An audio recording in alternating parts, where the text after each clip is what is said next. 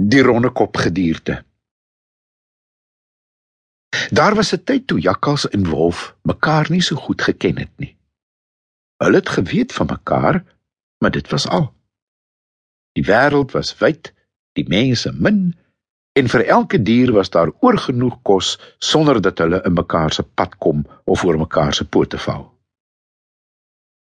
Eendag lê jakkals onder 'n koelteboom en rus.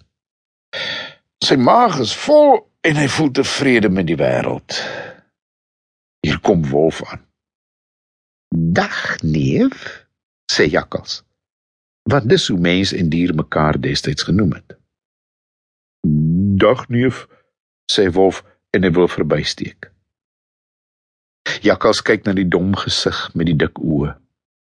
Nee, met hierdie dier sal hy 'n ding kan doen. Ek sê neef, sê jakkals. Wolf gaan staan. Ja neef, Waarheen is jy so haastig op pad? Vra Jakkals. Kom lê 'n bietjie hier in die grasies sodat ons oor die lewe kan gesels. Ek sien sommer jy is 'n dier wat diep dinge dink. Dankie neef, sê Wolf en kom vlei hom langs Jakkals neer. Hy hou daarvan as iemand vir hom sê hy is slim. Jakkals gesels hot en haar, die kant toe en daardie kant toe om eers vat aan Wolf te kry. Wolf antwoord so goed as wat hy kan. 'n Mens is darem 'n snaakse ding, sê Jakkals. Wolf lig sy kop van sy voorpote af. 'n Mens, vra hy. "Of wat vir 'n ding is dit?" Jakkals kan dit nie glo nie, maar hy sê niks.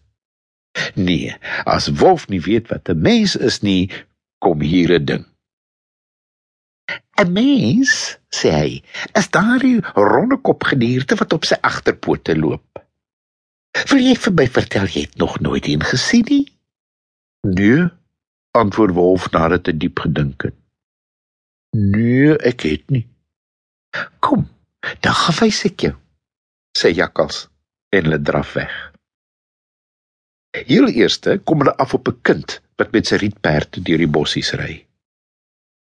Toe hy die wrede wolf gesig sien met die skelm jakkalsbakkies daarby, gee hy net een skree en laat Spaander huis toe.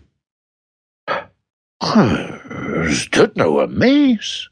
vra wolf met 'n skewe laggie en spoeg minagtend op die grond. "Vir hom bang ek nie."